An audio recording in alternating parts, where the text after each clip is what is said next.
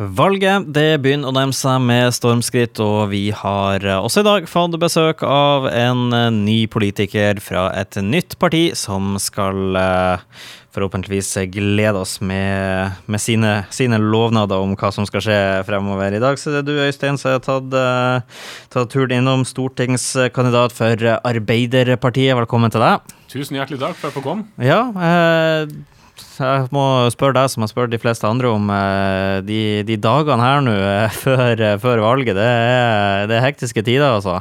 Det er veldig travelt. Og det starta i dag med morgenaksjon. Jeg var oppe klokka seks. Og i går så var jeg ute og delte ut flyere i postkassa fram til klokka var ni. Så det er, ikke, det er ikke mye tid til å gjøre ting man vil. Det er ja, man, man, at man, man, man at man lever litt nå, da man gjør det, eller lever, man går på en slags sånn autopilot de siste. Vi starta jo eh, og begynte å jobbe med valgkamp i midten av juli som for fullt, så nå er jeg inne i sånn sjuende-åttende uka. Så det er nesten over i en slags sånn innspurt autopilotfase. Men det er veldig gøy.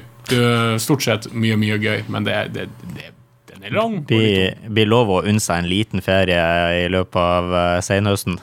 Ja, det må, må ha iallfall noen dager og uh, gjøre litt sånn forefallende ting som å være sammen med kjæreste og familie og eh, ja, ting man virkelig, virkelig har lyst til, som har blitt litt eh, mindre tid til eh, disse ukene. Absolutt. Du, vi skal prate litt om, om, det dere står for, og eventuelt ikke står for partimessig, og det vi lurer mest på, er da eh, hvis du og dine medkolleger kommer inn på eh, Stortinget, noe som dere da mest sannsynlig også gjør noen eh, stykker av dere, og hva er det dere, hva er det deres hjertesaker for Bodø og, og Salten lokalt? da? Hva er det dere skal rekke opp hånda for i spørretimen i Stortinget og si at det her trenger vi i Bodø, det her trenger vi for Salten? Hva, hva er det dere skal kjempe for her oppe? Altså Det viktigste eh, for Nordland eh, de neste årene det er at det skal skapes flere arbeidsplasser her. Eh, for Det er den måten vi sørger for at de unge blir, eh, og at vi lokker til oss eh, unge fra resten av landet. Eh, for Nordland har såpass mye, og Bodø har såpass mye å by på at vi kan utvide horisonten og ikke bare snakke om at vi skal holde på ungene, vi skal få nye unge hit. Og en stor drivkraft for dette, spesielt her i Bodø, er jo da Nord universitet. Eh, vi har masse muligheter som ligger eh, rundt oss, om det er havet eller i fornybar kraft, eh, som vi kan utdanne de kloke hodene som skal bruke alle disse mulighetene i Nordland de neste årene for å skape arbeidsplasser. Og Nord universitet må bli en drivkraft for dette, og vi må utdanne lærere, sykepleiere, ingeniører og alle disse viktige folkene vi trenger de neste årene for å løfte Nordland.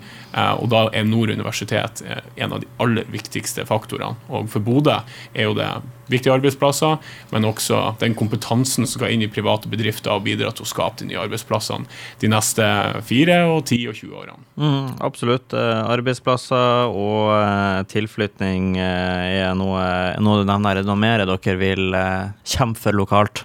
Ja, så jeg tror at Når vi skal få unge til å etablere seg, så må vi òg ha barnehager, gode skoler, gode helsetilbud og alt dette her. Og barnefamiliene Eh, spesielt, eh, er jo en gruppe som man ønsker skal få bedre økonomi og kan bruke pengene sine på det de eh, har lyst til. Så vi vil jo da redusere prisen på barnehagen og gjøre SFO i første omgang, første året gratis, og mål om å utvide det. Eh, og det har du en unge i barnehagen og en unge i SFO, eh, så betyr det opp mot 10 000 i året eh, som barnefamiliene kan få en lettelse på. Og det er ganske målretta og viktig, for at vi ønsker at flere skal få unger. og Da må vi også gjøre det litt mer økonomisk lønnsomt, om mulig. For for mange så det, blir det et spørsmål.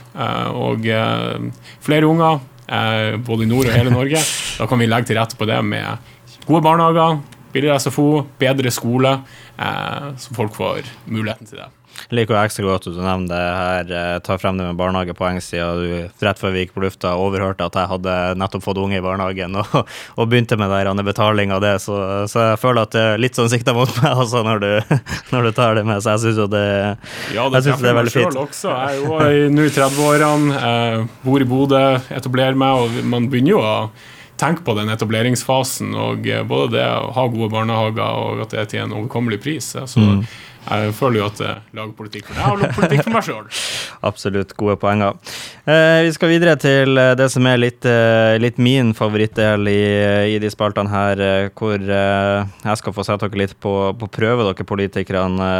Det jeg, lurer på, det jeg lurer på til deg i dag jeg har jo fulgt litt med på meningsmålingene og sånn, og de går jo selvfølgelig mye opp og ned, men det ligger vi kan vel skjære si at det ligger godt an for Arbeiderpartiet eh, om, om, dagen.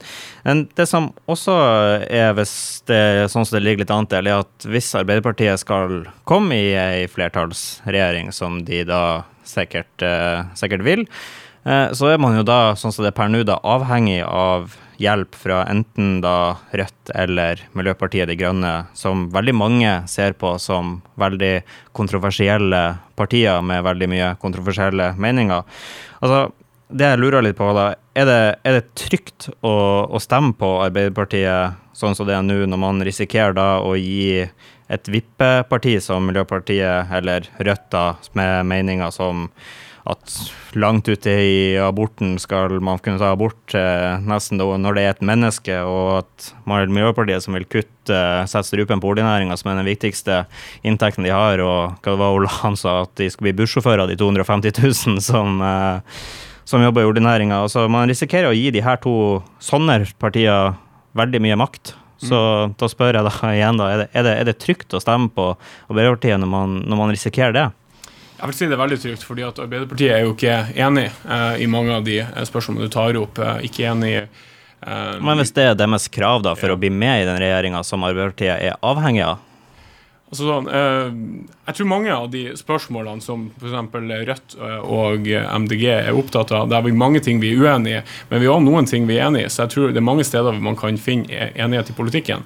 Eh, man er opptatt av at vi skal kutte utslipp. Man er opptatt av at vi skal redusere forskjellene i Norge. Der er det mye politikk som man kan bli enige om, men det er saker som er veldig uenig med både Rødt om å gå ut av EØS, som kan føre til masse arbeidsplasser som forsvinner i Nordland. MDG har en klimapolitikk på olje og gass, som jeg også mener kan for fort eh, sette oss i en posisjon at vi mister viktige arbeidsplasser og inntekter fra oljenæringa. Vi skal ikke avvikle eh, den for raskt, vi skal utvikle, og så skal vi ta den kompetansen i de og flytte de over i andre næringer, så vi har flere og nye bein å stå på. Men jeg tror vi er enige om en ganske viktig ting. Og det er at vi vil ha en ny regjering og en ny retning for Norge. Så innenfor det så har vi mange ting, men vår foretrukne allianse Eh, det er jo SV og Senterpartiet, og de har vi styrt godt med før. Og på målingene så er det veldig mulig å få det til fortsatt. Så hvis man vil ha en stemme en, for en ny regjering, eh, få ned forskjellene, kutte klimautslipp, en sterkere velferdsstat, så det tryggeste valget det er å stemme på Arbeiderpartiet. Eh, og så får vi nok stemmer, så blir det der, der tyngden ligger i det politiske landskapet. Og da får vi virkelig gjort noe med disse viktige sakene i samfunnet. Uh, og så kommer Arbeiderpartiet til å stå steinhardt og ufravikelig på ting som EØS-avtalen, en ansvarlig uh, og rettferdig klimapolitikk. Uh, og abortsakene så sier vi at vi skal ta vekk nemndene som, som, gjør at det er ikke kvinnen som har det ultimate siste ordet over sin egen kropp. og det er vår politikk, det er det vi går til valg på. Og er man enig i det, så er det veldig trygt å stemme Arbeiderpartiet. Ja, du svarer godt for det, i hvert fall. Det skal du, det skal du absolutt eh, ha. Helt avslutningsvis, en fun fact om deg sjøl. Har, har, du det til oss i dag? Ja, fun fact Jeg tenkte jo på tror en, Jeg kan heller ta en historie ja. uh, som bruker å bli litt latter om jeg forteller. absolutt. og Første gangen når jeg kjørte opp, så strøk jeg så det sang første gangen, rett og slett. Og da hadde jeg litt eh, kniven på strupen også for å klare den oppkjøringa. fordi at jeg skulle av gårde til Tromsø og jobbe i NRK i, som praksisstudent. Og eh, da hadde jeg sagt at jeg har lappen. og jeg hadde oppkjøring da eh, noen dager før jeg skulle dra av gårde til Tromsø. Og så For å få den oppkjøringa kunne jeg ikke få det i Bodø, men de hadde ledig plass i, i, på Fauske. Så da for jeg utover dit til og med kjøreskolelæreren. Hadde noen timer før, sånn skikkelig intenst. Kjøre litt rundt i byen og bli kjent og være komfortabel. Og så kommer jeg inn, setter meg i lag med den eh, eh, sensoren, og det første jeg gjør, det er at jeg tar for hardt i rattet, sånn at rattet går i lås. I rattlås. Og jeg starta bilen, og den rattlåsen går ikke vekk.